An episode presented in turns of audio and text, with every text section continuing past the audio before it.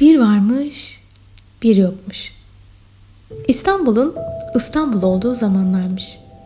Kahve falı bedava, aklın bini bir liraymış. Zengin bir beyefendi, güzel mi güzel ama bir o kadar yoksul bir kadına abayı yakmış. Kadına elde etmek için her gün şoförüne para verir, gizlice mahallesini değiştirir, kadının kapısının önüne hediyeler yağarmış. Sabahları şiirler okur, akşamları ona şarkılar söylermiş. Kadın daha fazla dayanamamış ve adama sevgisini sunmuş. Ona iki oğlan çocuğu doğurmuş. Ama evlenmek adamın aklının ucundan geçmemiş. Günün birinde kadına Paris'e geri döneceğini, orada ailesinin onun için seçtiği zengin bir kadınla evleneceğini ve giderken çocuklarını yanında götüreceğini söylemiş. Genç kadın çılgına dönmüş. Avaz avaz bağırmış.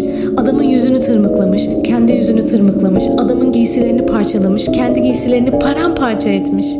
Ve sonra iki çocuğunu kaptığı gibi nehre koşmuş. Çocuklarını bir seferde hızla akan nehre fırlatmış ve onların boğulmalarını izlemiş. Sonra ağlayarak kederle nehrin kıyısında ölmüş. Beyefendi kadına söylediği gibi Paris'e geri dönmüş ve zengin kadınla evlenmiş. Ağlayan kadının ruhu ise cennete yükselmiş. Cennetin kapısında ona yeterince acı çektiği için cennete girmeye hak kazandığı ama çocuklarının ruhunu nehirden kurtarana kadar içeri giremeyeceği söylenmiş. Bugün hangi nehrin kıyısına giderseniz gidin, yeterince dinlerseniz ağlayan kadının sesini duyabilirsiniz. Yine bu öyküdendir ki yaşayan çocukların akşam geç vakitte nehir kıyılarında dolaşmamaları gerektiği söylenir.